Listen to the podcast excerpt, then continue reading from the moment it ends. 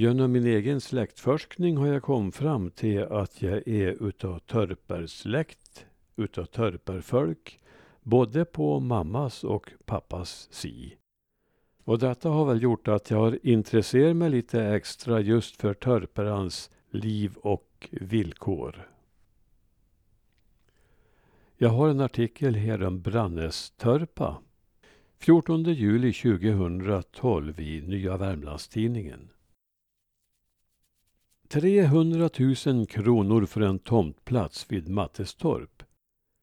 Det är vad man får betala för en villa i byarna runt omkring. 2 miljoner 890 000 kronor för ett hus på den gamla torpplatsen. På Brannäsberget ligger marken, bebyggd eller obebyggd, på en prisnivå vi invånare inte känt till tidigare. Jag undrar vad Torp-Marcus skulle ha sagt om detta. Han och hans systrar i Torp-Olletorp var de sista som bodde på den lilla torpplatån på Brannäsbergets östsida där de södra liftarna nu kommer ner och där nya lägenheter nu uppförs. Och Stöthocko, han som bar ihop stenhögar stora som lador på Hockotorp för att få en bit odlingsbar mark. Inte skulle han ha förstått det här. Och Olga Olsson som växte upp i Brittatorp för över hundra år sedan. Jag intervjuade henne för snart 30 år sedan och fick höra om fattigdomen och slitet uppe på torpen. Kontrasten är total. Av de åtta torp som låg här söder om själva byn Brannäs var Mattestorp det nordligaste.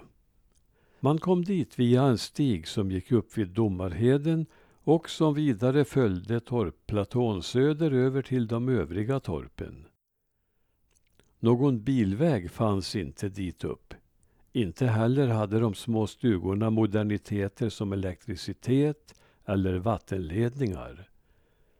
Vatten togs direkt ur bäckarna.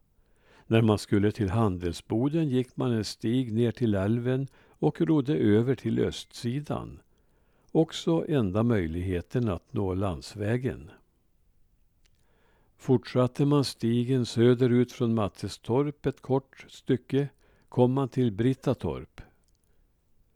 Stugorna var fulla av ungar och det fanns kreatur överallt, berättade Olga som kom till Brittatorp som fyraåring år 1900. Olga behövde aldrig uppleva att det fattades mat på bordet.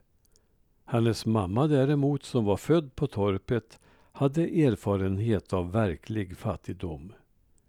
Hon bytte en gång bort ett silkeskläde mot mjöl när hon var skolflicka. Hon var också med när hela familjen vandrade till Dalarna undan svälten nödåret 1868. Det tredje stället var Torpolletorp som också var det sist bebodda. Fram till 1957, så länge de kunde klara sig själva, bodde de tre förnöjsamma syskonen Marcus, Karin och Maria där. När de flyttade till pensionärshemmet i Ransby blev Torpbyn öde. Hembygdsföreningen tog hand om stugan som uppfördes på hembygdsgården i Ransby och Granskogen tog hand om marken.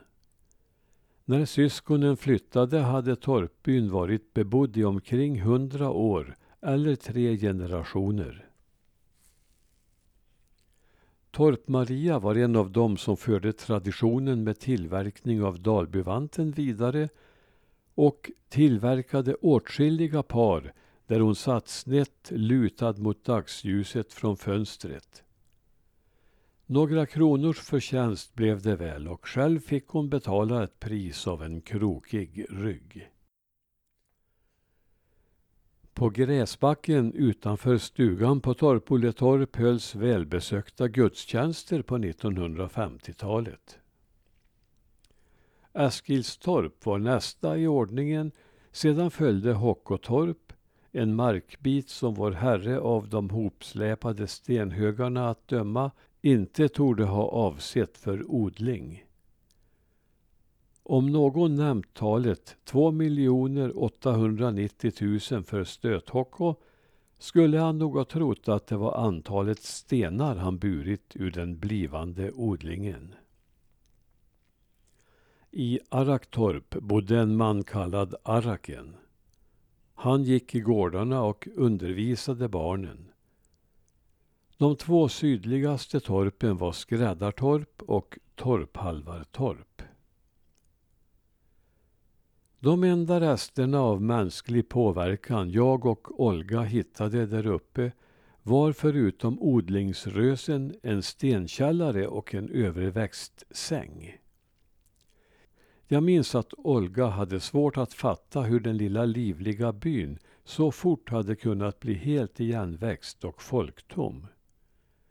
Kanske skulle hon ha glatt sig åt att åter se liv och rörelse där uppe.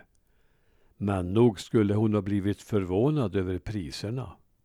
Och säkert skulle hon ha haft svårt att förstå hur denna fattigdomens utpost kunnat bli högintressant område för semesterfirare och investerare.